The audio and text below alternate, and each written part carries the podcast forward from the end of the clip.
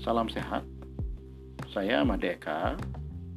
Eh, kita akan membahas tentang eh, konsep eh, kenyamanan. Dalam konteks keperawatan, konsep kenyamanan ini perlu kita pahami secara menyeluruh karena sebagian besar pasien itu mengalami gangguan rasa nyaman. Atau kalau kita sederhanakan, sebagian besar pasien mengalami nyeri dan nyeri ini adalah keluhan yang umum terjadi pada pasien. Nah, eh, kita awali dulu dari eh, definisi kenyamanan.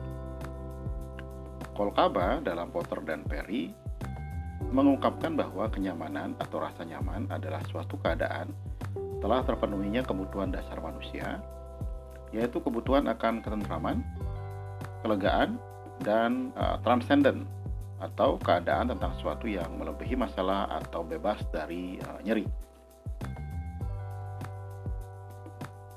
Nah, apa saja yang termasuk di, dalam aspek uh, kenyamanan ini? Kenyamanan mesti dipandang secara holistik yang mencakup empat aspek, yaitu yang pertama adalah aspek fisik. Ini berhubungan dengan sensasi tubuh. Yang kedua adalah aspek sosial. Ini berhubungan dengan hubungan interpersonal, keluarga, dan sosial. Yang ketiga adalah aspek uh, psikospiritual. Ini berhubungan dengan kewaspadaan internal dalam diri sendiri yang meliputi harga diri, seksualitas, dan makna kehidupan. Yang keempat adalah lingkungan. Ini berhubungan dengan latar belakang pengalaman eksternal manusia seperti cahaya, bunyi, temperatur, warna, dan unsur alamiah lainnya. Kenyamanan memang e, berarti sangat luas kalau kita lihat dari aspek-aspek tersebut. Nah, kita akan lebih e, spesifikkan ya kenyamanan ini e, menjadi e, gangguan rasa nyaman yang lebih spesifik lagi yaitu nyeri. Nah, e, nyeri ini banyak sekali dialami oleh pasien-pasien. Seperti yang tadi sudah kita sampaikan bahwa Nyeri adalah keluhan yang sangat umum terjadi pada pasien. Banyak pasien yang meminta bantuan, meminta eh, pengobatan, meminta perawatan itu karena keluhan nyerinya. Nah, dengan demikian kita juga harus pahami dulu apa sih pengertian dari nyeri itu sendiri.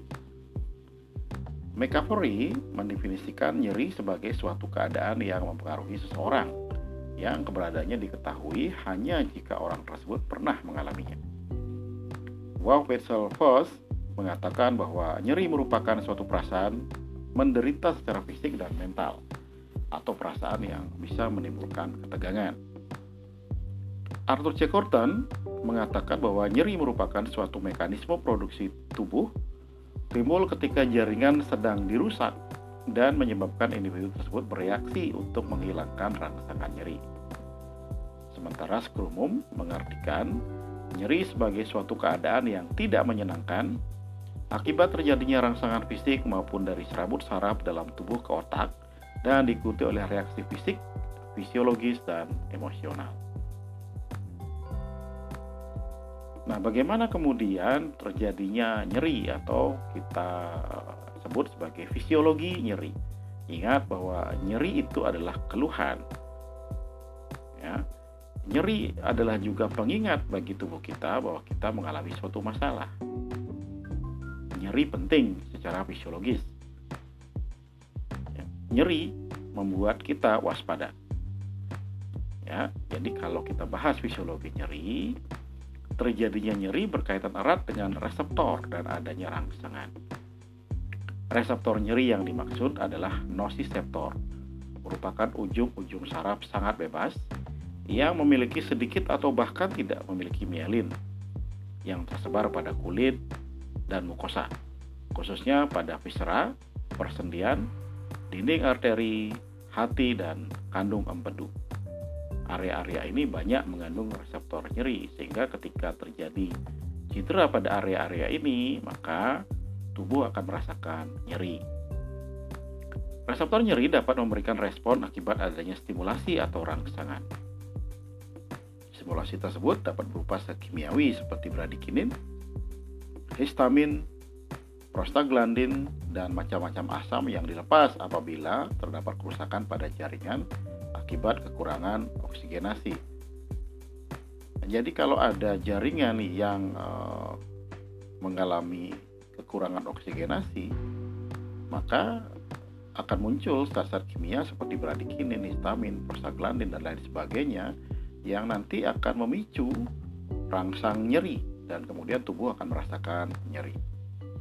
Nah, stimulasi yang lain yang ini yang lebih umum sifatnya dan biasanya bersifat eksternal itu adalah uh, termal ya atau suhu yang tinggi, api contohnya, panas contohnya, kemudian uh, listrik, ya, listrik tersetrum ya itu menimbulkan nyeri pasti, atau uh, mekanis, mekanis itu uh, terkena pukulan, uh, kena tusuk ya atau jatuh itu termasuk mekanis.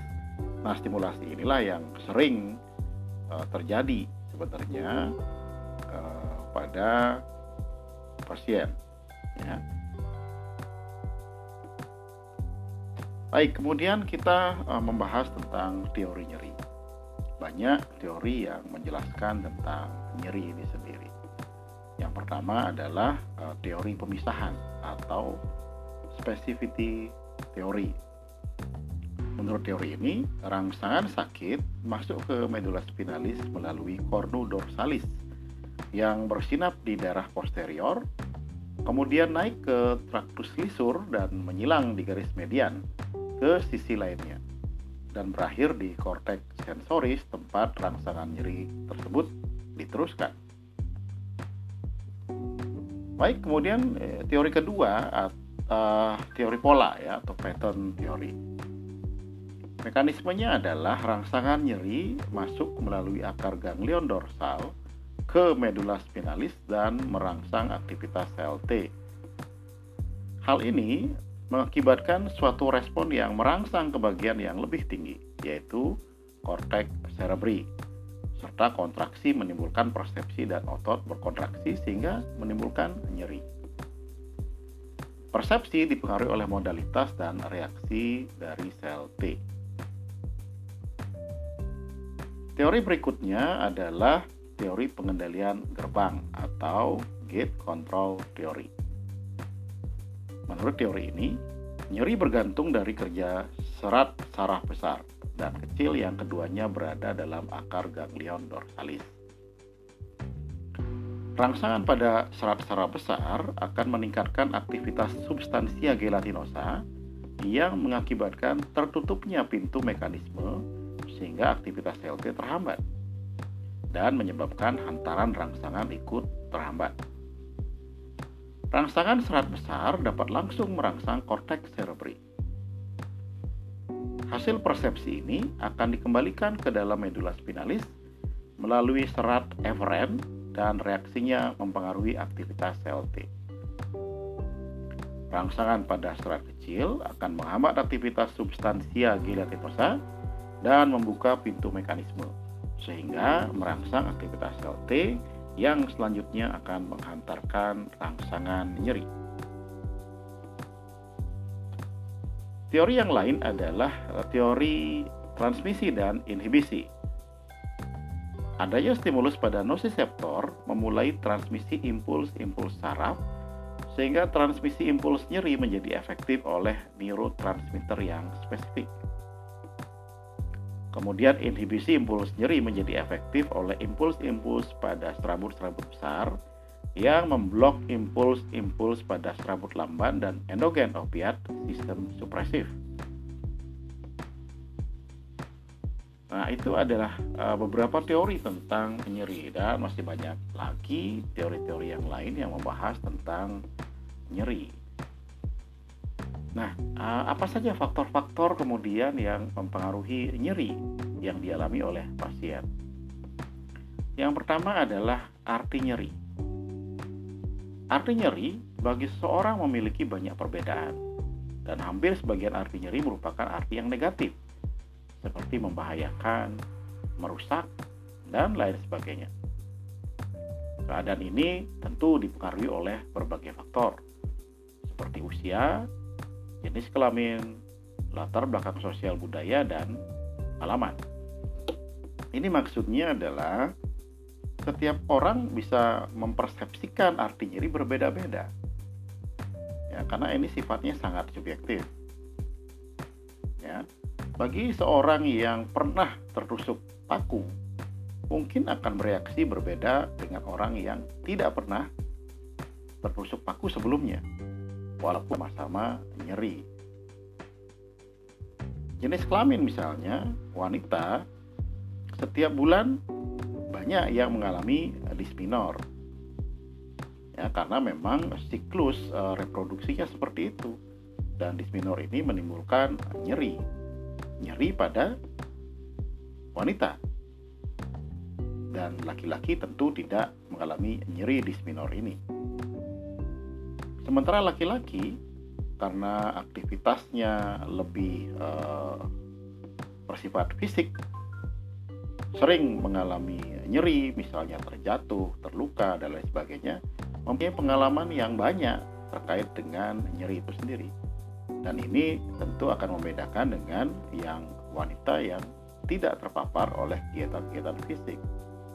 Tetapi wanita yang terbiasa bekerja di dapur, sering teriris pisau, mungkin menganggap itu adalah hal yang biasa. Ya, karena memang uh, setiap Eh, hari kerjanya seperti itu. Tapi kalau yang laki-laki mungkin saja eh, merasa nyerinya luar biasa ketika teriris pisau. Makanya ini beda-beda sekali, termasuk juga latar belakang sosial budaya dan lain sebagainya. Usia pasti, ya anak-anak lebih bereaksi eh, terhadap nyeri daripada yang dewasa. Baik, uh, arti nyeri. Kemudian ada juga persepsi nyeri. Ya, persepsi nyeri merupakan penilaian yang sangat subjektif, tempatnya pada korteks atau pada fungsi evaluasi kognitif di otak. Persepsi ini dipengaruhi oleh faktor yang dapat memicu stimuli nociceptor. Arti dan persepsi nyeri ini saling berhubungan satu sama lain. Kemudian berikutnya adalah toleransi nyeri. Toleransi ini erat hubungannya dengan intensitas nyeri yang dapat mempengaruhi kemampuan seseorang menahan nyeri. Faktor-faktor yang dapat mempengaruhi peningkatan toleransi nyeri antara lain adalah alkohol. Semakin banyak meminum alkohol, maka toleransi e, nyeri menjadi sangat tinggi. Artinya um, dia terjatuh, dia menabrak apa tembok dan lain sebagainya dalam kondisi mabuk. Dia tidak akan merasa nyeri tidak akan merasa sakit. Gitu. Beda dengan yang tidak terpapar alkohol. Kemudian obat-obatan misalnya kalau mengkonsumsi obat-obatan yang bersifat analgesik tentu kita lebih toleransi kita terhadap nyeri menjadi lebih tinggi. Hipnotis. Ya hipnotis ini juga bisa meningkatkan toleransi eh, nyeri kita. Ya jadi misalnya eh, ini kan banyak penelitian yang uh, contoh ya uh, yang disminor merasa nyeri kemudian dilakukan hipnotis atau self hipnosis maka nyerinya menjadi berkurang secara signifikan. Oke, kemudian ada faktor-faktor yang menurunkan rasa nyeri antara lain uh, kelelahan. Ya, orang yang lelah ya gampang rasa nyeri, rasa marah, ya, bosan, cemas, nyeri yang tidak kunjung hilang, sakit dan lain sebagainya ini uh, kita bisa lebih peka gitu terhadap nyeri kalau mengalami kondisi-kondisi seperti ini. Tapi tentu saja ini kembali lagi tergantung pada masing-masing individu. Kemudian reaksi terhadap nyeri. Reaksi terhadap nyeri merupakan bentuk respon seseorang terhadap nyeri, seperti ketakutan, gelisah, cemas, menangis, dan bahkan menjerit.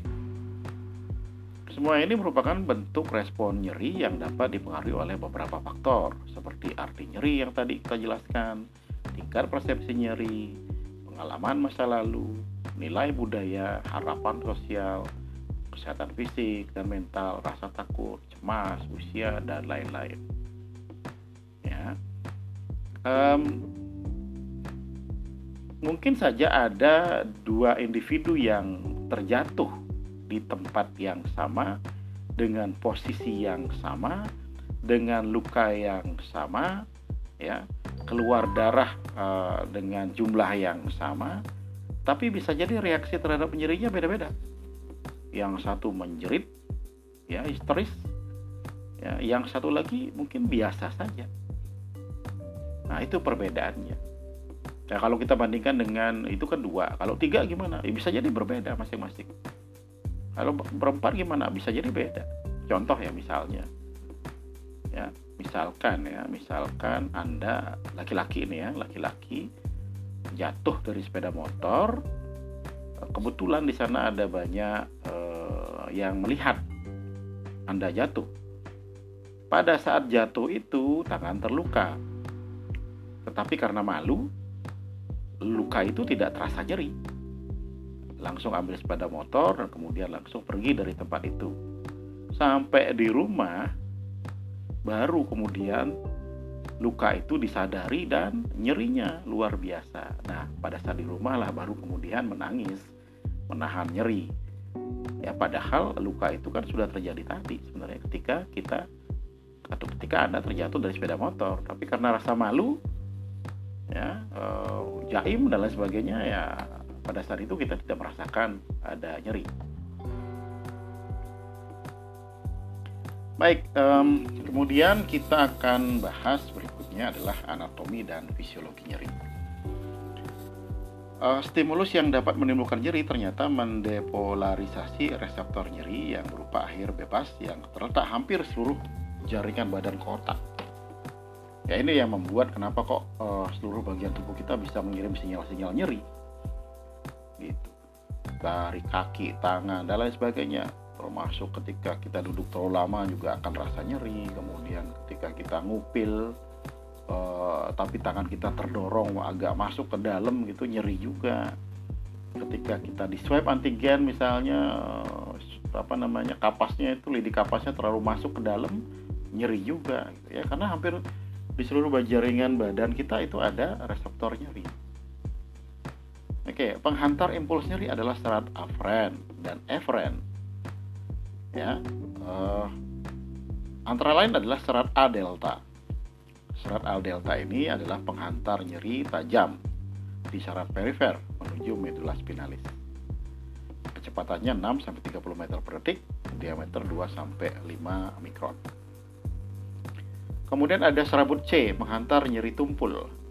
Kecepatannya 0,5 sampai 0,5 per detik dengan diameter 0,4 sampai 1,2 mikron. Kemudian serabut saraf besar bermielin atau yang kita sering sebut sebagai serabut A beta. Kecepatan kurang lebih 35 meter per detik. Efek antagonis di substansia gelatinosa. Ya, stimuli nyeri berasal dari cedera mekanikal atau fisikal dan dari sumber termal dan kimiawi. Atau iskemia vaskuler dan spasmo otot kemungkinan membangkitkan juga respon nyeri. Iskemia vaskuler itu artinya jaringan kekurangan oksigen. Spasmo otot itu artinya otot e, kejang. Contoh apa ya? E, kram. Kram pada saat kita berolahraga. Itu sangat mungkin membangkitkan respon nyeri. Nah, stimuli nyeri ini menyebabkan kerusakan jaringan yang berperan terhadap pelepasan bahan kimiawi yang dapat mengaktifasi nosiseptor seperti histamin, bradikinin, serotonin, prostaglandin, asetilkolin, dan asam laktat. Nah, um, kita sekarang masuk ke klasifikasi nyeri klasifikasi nyeri itu ada empat.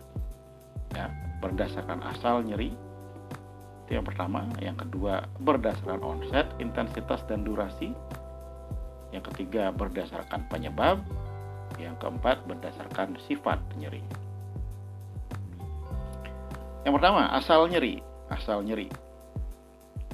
Asal nyeri itu ada yang somatik.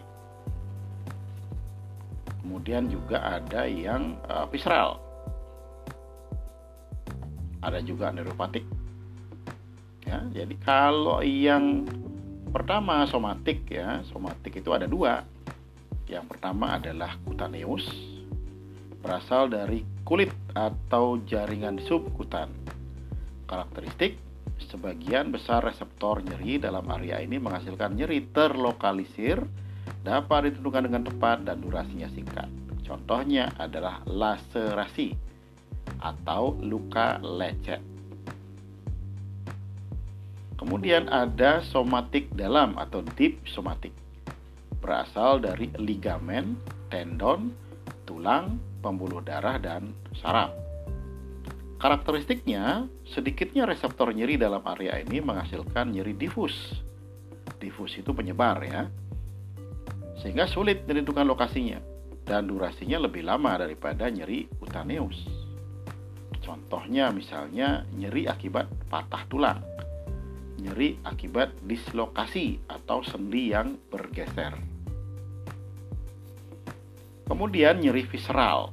Nyeri visceral berasal dari organ tubuh Karakteristiknya, sedikitnya reseptor nyeri dalam area ini menghasilkan nyeri difus. Ya, sulit tentukan lokasinya, durasinya bervariasi. Nyeri biasanya memiliki durasi yang lebih panjang daripada nyeri somatik. Sering diakibatkan oleh peregangan, inflamasi atau peradangan, dan iskemia atau berkurangnya kadar oksigen dalam jaringan. Ini sering berkenaan juga dengan bagian tubuh yang jauh dari jaringan yang menyebabkan nyeri. Contohnya adalah iskemia miokardial ya atau berkurangnya kadar oksigen pada area otot jantung. Nah, ini yang kita biasa bilang sebagai serangan jantung. Ya, iskemik. Kemudian juga penyakit kandung empedu. Ya, kalau kandung empedu ya uh, ada gangguan di sana ya bisa jadi uh, terasa nyeri. Nah ini adalah nyeri visceral. Kemudian ada juga nyeri neuropatik. Neuropatik ini berasal dari kerusakan pada bagian sistem saraf perifer atau sentral. Perifer itu tepi, sentral itu pusat. Karakteristiknya tidak nociceptif, nyeri persisten sampai berminggu-minggu atau bulan setelah cedera hingga jaringan sembuh. Resisten terhadap pengobatan konvensional, ya, pengobatan konvensional kadang-kadang tidak tidak berguna di sana. Uh, alodinia, ya, nyeri akibat stimulus yang normalnya tidak menimbulkan nyeri. Contohnya disentuh saja itu terasa nyeri luar biasa. Padahal ketika disentuh kan semestinya tidak nyeri. Ya, tapi ketika disentuh e, rasanya nyeri, nah maka itu yang kita sebut dengan alodinia itu termasuk nyeri saraf atau nyeri neuropatik. Baik, eh, berikutnya nyeri yang berdasarkan onset, intensitas, dan durasi nyerinya. Ada yang kita sebut sebagai nyeri akut. Onsetnya atau kejadiannya itu tiba-tiba atau berangsur-angsur dari nyeri ringan sampai berat yang biasanya berakhir sedikitnya 6 bulan jadi tidak lewat dari enam bulan. Karakteristik mengaktifkan bagian simpatetik dari sistem saraf otonom. Contohnya misalnya terjadi peningkatan denyut nadi, kecepatan pernapasan, dan tekanan darah. Bisa jadi diaporesis, diaporesis itu berkeringat, atau pupil mengalami dilatasi. Nah ini biasanya yang akut ini berkaitan dengan cedera jaringan peningkatan reaksi klien menunjukkan adanya nyeri akut. Ya, jadi ketika klien merasa nyeri akut, dia akan gelisah, cemas, ada yang menangis, ada yang menggosok-gosok area yang sakit, menahan area yang sakit, tidak mampu konsentrasi dan takut. Klien melaporkan mengalami nyeri tanpa ditanya. Ya. Atau mungkin juga protektif ya, menunjukkan kemungkinan ada kerusakan jaringan dan uh, terlokalisir. Jadi mudah untuk kita tentukan lokasi nyerinya. Jadi di mana dirasakan nyeri biasanya di sanalah yang terjadi gangguan. Uh, selanjutnya adalah nyeri kronik.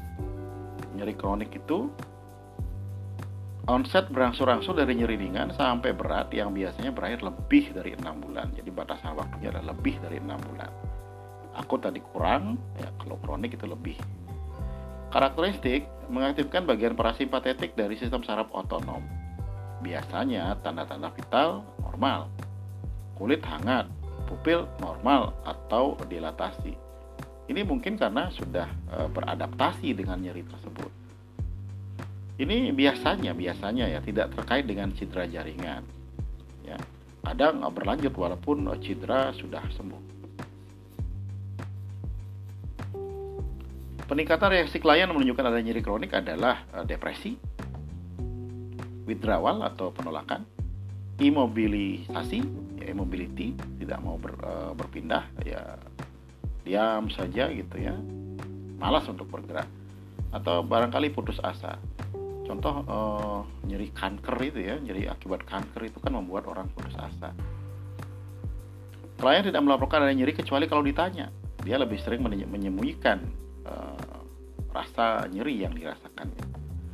Tidak bersifat protektif, menyebar, tidak terlokalisir, dapat mengganggu activity daily living ADL atau aktivitas hidup sehari-hari, juga bisa mengganggu hubungan personal. Dapat mengakibatkan beban emosional dan finansial saking lamanya mengalami nyeri. Pengobatan juga semakin banyak tentu saja. Bila stimuli nyeri fisiologik tidak dieliminasi, klien masih merasakan nyeri masih ada. Ini yang kita sebut sebagai sindrom nyeri kronik. Jadi pasien merasa nyerinya tetap ada gitu. Walaupun mungkin eh, sudah dieliminasi nyerinya tersebut. Gitu. Oke, um, ada perbedaan mendasar antara nyeri akut dan kronis dari sisi karakteristik Eh, pengalaman pada nyeri akut itu biasanya satu kejadian kalau nyeri kronis itu satu situasi atau status eksistensi dari karakteristik sumber nyeri akut itu sebab eksternal atau penyakit dari dalam. Nyeri kronis itu tidak diketahui atau pengobatannya terlalu lama. Karakteristik serangan pada nyeri akut itu bersifat mendadak. Pada nyeri kronik itu bisa mendadak berkembang karakteristik waktu. Nyeri akut itu sampai enam bulan. Nyeri kronis itu lebih dari enam bulan sampai bertahun-tahun. Karakteristik pernyataan nyeri. Daerah nyeri tidak diketahui dengan pasti atau dapat terlokalisir sedangkan nyeri kronis daerah nyeri sulit dibedakan intensitasnya sehingga sulit untuk dievaluasi karakteristik gejala klinis pada nyeri akut pola respon yang khas dengan gejala yang lebih jelas pada nyeri kronis pola respon yang bervariasi dengan sedikit gejala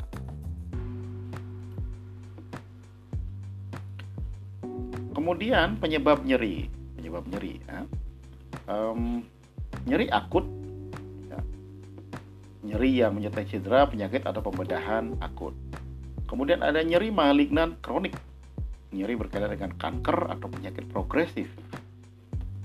Nyeri non malignan kronik, nyeri pada seorang dengan cedera non progresif.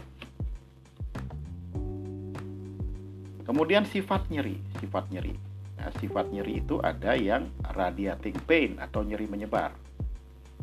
Sensasi nyeri yang menjalar dari tempat asal ke bagian tubuh lainnya. Contohnya adalah uh, eh, LBP ya, low back pain akibat ruptur intravertebral. Low back pain itu sakit atau nyeri pada punggung belakang. Ya. Dislokasi yang disertai nyeri menyebar dari saraf sakral ke kaki bawah. Dislokasi itu perpindahan sendi Kemudian ada yang referent pain atau nyeri menjalar. Sensasi nyeri dirasakan pada bagian tubuh yang jauh dari jaringan yang menyebabkan nyeri. Misalnya nyeri miokard infark akibat diskepia yang dijalarkan ke rahang, bahu kiri dan lengan kiri. Jadi serangan jantung itu eh, nyerinya itu ternyata adanya di rahang, bahu kiri, lengan kiri. Jadi tidak pas di posisi jantung itu sendiri jadi lebih menyebar ke bahu kiri dan lengan kiri malah ada yang sampai ke rahang baik um, otak atau pusat memproses nyeri terjadi pada tiga tingkat yang berbeda ya yang pertama adalah talamus talamus itu bekerja sebagai relay station untuk input sensori dari traktus spinothalamikus anterior otak tengah memberikan fungsi kolateral bagi sinyal korteks untuk meningkatkan kesadaran terhadap stimuli berbahaya. Korteks, peran korteks juga belum jelas. Diduga kemungkinan terlibat dalam pembedaan lokasi nyeri, aspek kognitif dari pengalaman nyeri.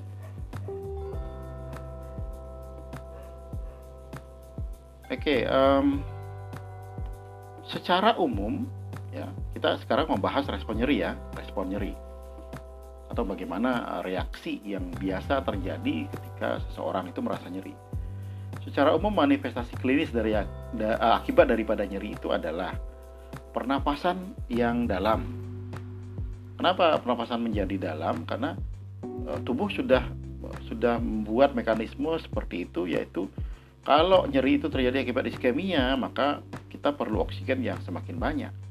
Karena demikian pernapasan menjadi e, dalam dan e, pada kebanyakan kasus menjadi cepat dan dalam. Kemudian keringat dingin, jadi keluar keringat. Jumlah denyut tadi lebih cepat lagi. Kemudian pucat, serta ada dilatasi pupil atau pupilnya melebar.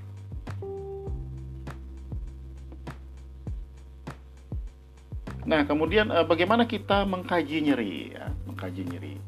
Nyeri biasanya kita kaji dengan uh, menggunakan skala ya. Jadi skala itu beda-beda. Ada yang menggunakan uh, skala 5 dari 0 sampai 5 dari uh, apa nyeri, tidak nyeri, kemudian nyeri ringan, nyeri moderate, uh, nyeri severe, kemudian uh, very severe dan uh, worst possible pain atau nyeri yang tidak tertahankan. Ini biasanya kita gunakan pada anak. Pada orang dewasa biasanya kita menggunakan Universal Pain Assessment Tool. Ini uh, dari uh, eh, 0 sampai 10. Ya, dari 0 sampai 10. Jadi ada VDS ya, ada Verbal Descriptor Skill. Kalau yang kita lakukan pada uh, apa orang dewasa ini gitu. Kalau pada anak-anak biasanya kita gunakan Wong Baker Facial Grimace Scale. Ya, itu 0 sampai 10 ya 0 tidak nyeri 1 sampai 3 itu nyeri ringan 4 5 6 itu nyeri uh, sedang kemudian 7 8 9 itu adalah nyeri berat 10 adalah nyeri yang tidak tertahankan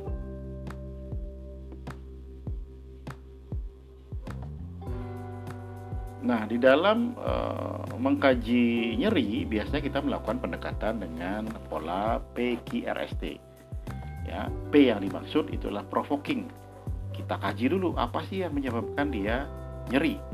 Misalnya, yang menyebabkan dia nyeri adalah nyeri uh, adalah luka akibat terjatuh dari sepeda motor. Lukanya ada di bagian uh, lengan misalnya ya lengan kanan ya lengan kanan. Oke. Jadi provokingnya provokingnya P provokingnya adalah uh, terjatuh dari sepeda motor ya dan terluka pada lengan kanan kemudian key key itu quality atau quantity of pain nyerinya gimana rasanya itu apakah nyerinya uh, menusuk-tusuk apakah nyerinya nyeri tajam, apakah nyerinya menyebar atau bagaimana? Itu ngilu misalnya. Ya.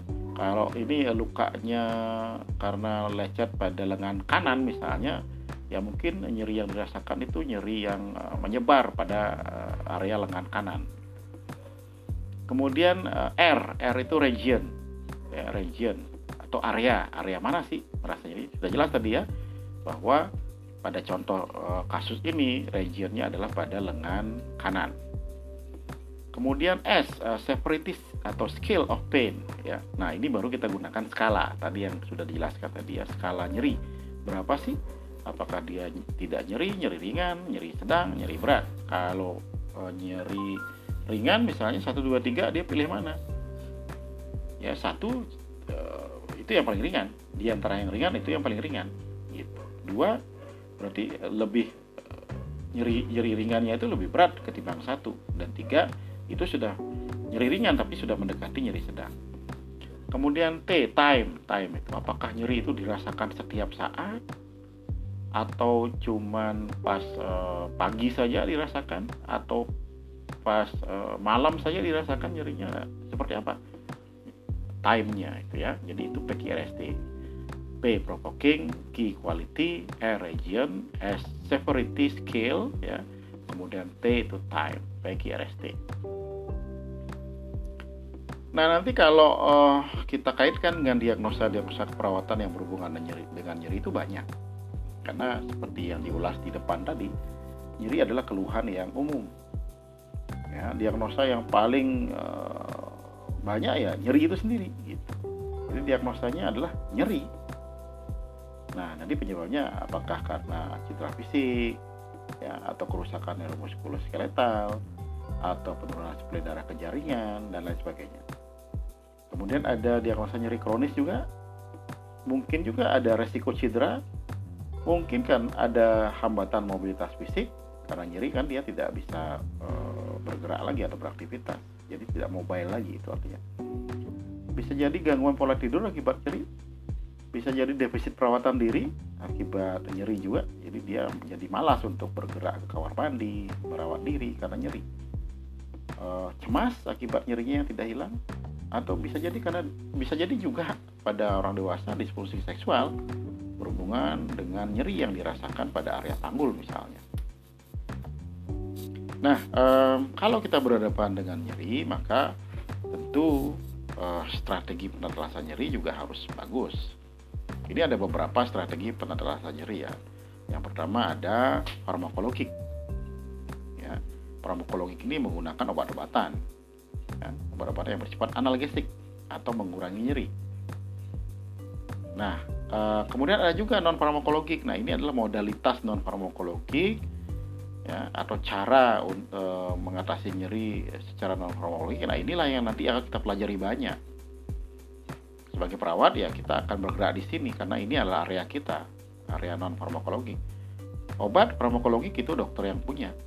Kita bergerak di non farmakologik. Apa saja itu? Ya, ada refleksiologi, ada stimulasi dan masase kutaneus, bisa juga menggunakan terapi dingin atau terapi panas, bisa juga menggunakan stimulasi saraf elektris transkutan, ya, kemudian bisa juga kita gunakan distraksi, relaksasi, ya, relaksasi nafas dalam contohnya atau relaksasi progresif contohnya, guided imagery, ya, dan hipnosis. Ini kaitannya dengan uh, self hipnosis atau hipnosis yang terbimbing. Bisa juga kita lakukan. Nah, um, lebih lanjut secara detail uh, strategi-strategi ini akan dibahas uh, ke depan ya dari dari semester 1 sampai semester uh, berikutnya di dalam konteks um, studi keperawatan ini yang paling banyak diajarkan justru dan ini memang Anda juga harus uh, lebih aktif lagi untuk mencari sumber-sumber untuk belajar. Saya kira uh, demikian yang bisa saya jelaskan terkait dengan gangguan rasa nyaman, uh, nyeri. Tentu banyak sekali aspek-aspek yang belum kita bahas karena terus terang saja nyeri ini sangat luas sekali kajiannya. Ya, Anda perlu lebih aktif untuk mencari sumber belajar. Saya kira demikian saya cukupkan dulu dan kita nanti akan bertemu lagi untuk membahas ini lewat diskusi atau lewat pertemuan-pertemuan yang lain. Saya kira demikian. Terima kasih. Salam sehat.